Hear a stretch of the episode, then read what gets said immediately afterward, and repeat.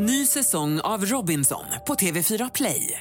Hetta, storm, hunger. Det har hela tiden varit en kamp. Nu är det blod och tårar. Fan händer just nu. Det. är Detta är inte okej. Robinson 2024, nu fucking kör vi! Streama söndag på TV4 Play.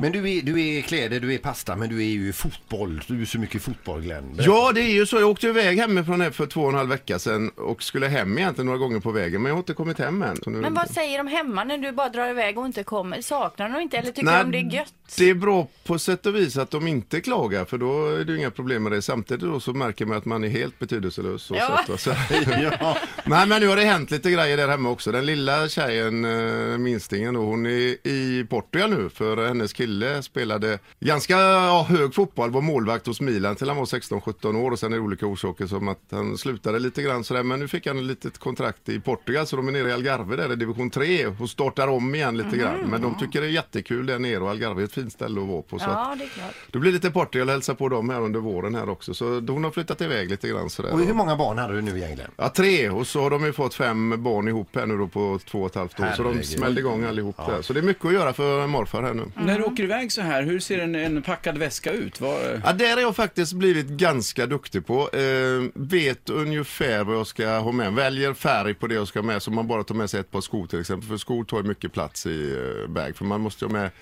skor att springa i och gå på gymmet med också och så vidare. Och, så vidare. och sen är det ju alltid då att eh, det löser sig ganska enkelt. För på alla grejerna du ska vara med fotbollen så är det ju en kostym och så är det skjorta på liksom. Så ta med dig två, tre skjortor och så kostymen och så tvätta om det om du nu då blir ute så här länge som jag har varit här nu då. Så att, eh, sen blir det ju alltid så att det kommer ju in lite nya snussorter som kommer in och så vidare. Ja, och man ja. får in sådana och så får ladda in i Ja, väskan och så vidare. Och så, ja. vidare. så det, det fylls på va. Du, när, när du är runt på alla de här arenorna och ska kommentera fotboll och så vidare. Hur ofta är det att, att, eh, folk pekar och säger Åh, Mr Stromberg?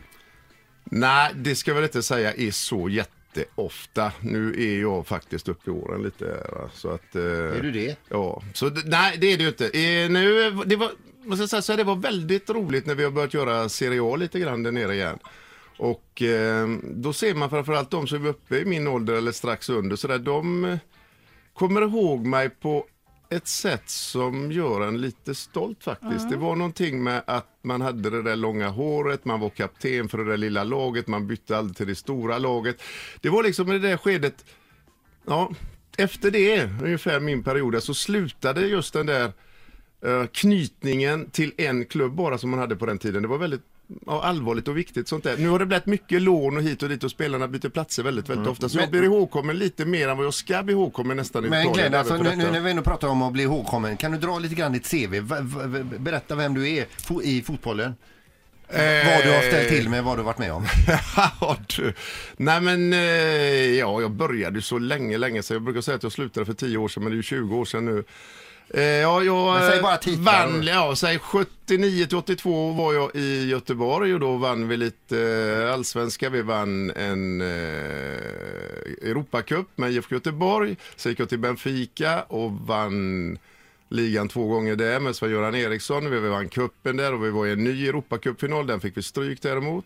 Och sen var jag hos Atalanta i Italien under åtta år och slutade då 92. Och de åtta åren egentligen, det är väl eh, det maxigaste jag varit med om i karriären. För du mötte så bra spelare varenda helg liksom. Det var det som var så roligt. och sen nu på senare tid så har ju Glenn blivit eh, utsedd och omnämnd som den bästa expertkommentatorn av samtliga. Vid flertalet tillfällen, det får man inte glömma bort. Nej, och det har varit jätteroligt för det var en sak som jag egentligen inte startade på egen hand så att säga, utan det var egentligen faktiskt Bosse Genser då som har gått bort nu tyvärr då som eh, var chef för SVT. Han låg på mig i många år och sa att du ska börja med det här Glenn, för det här kommer du att göra bra. Du ska, nej, jag var väldigt tveksam. Och till slut sen då så startade jag med det och det var ett väldigt bra val. Så jag har han att tacka för mycket.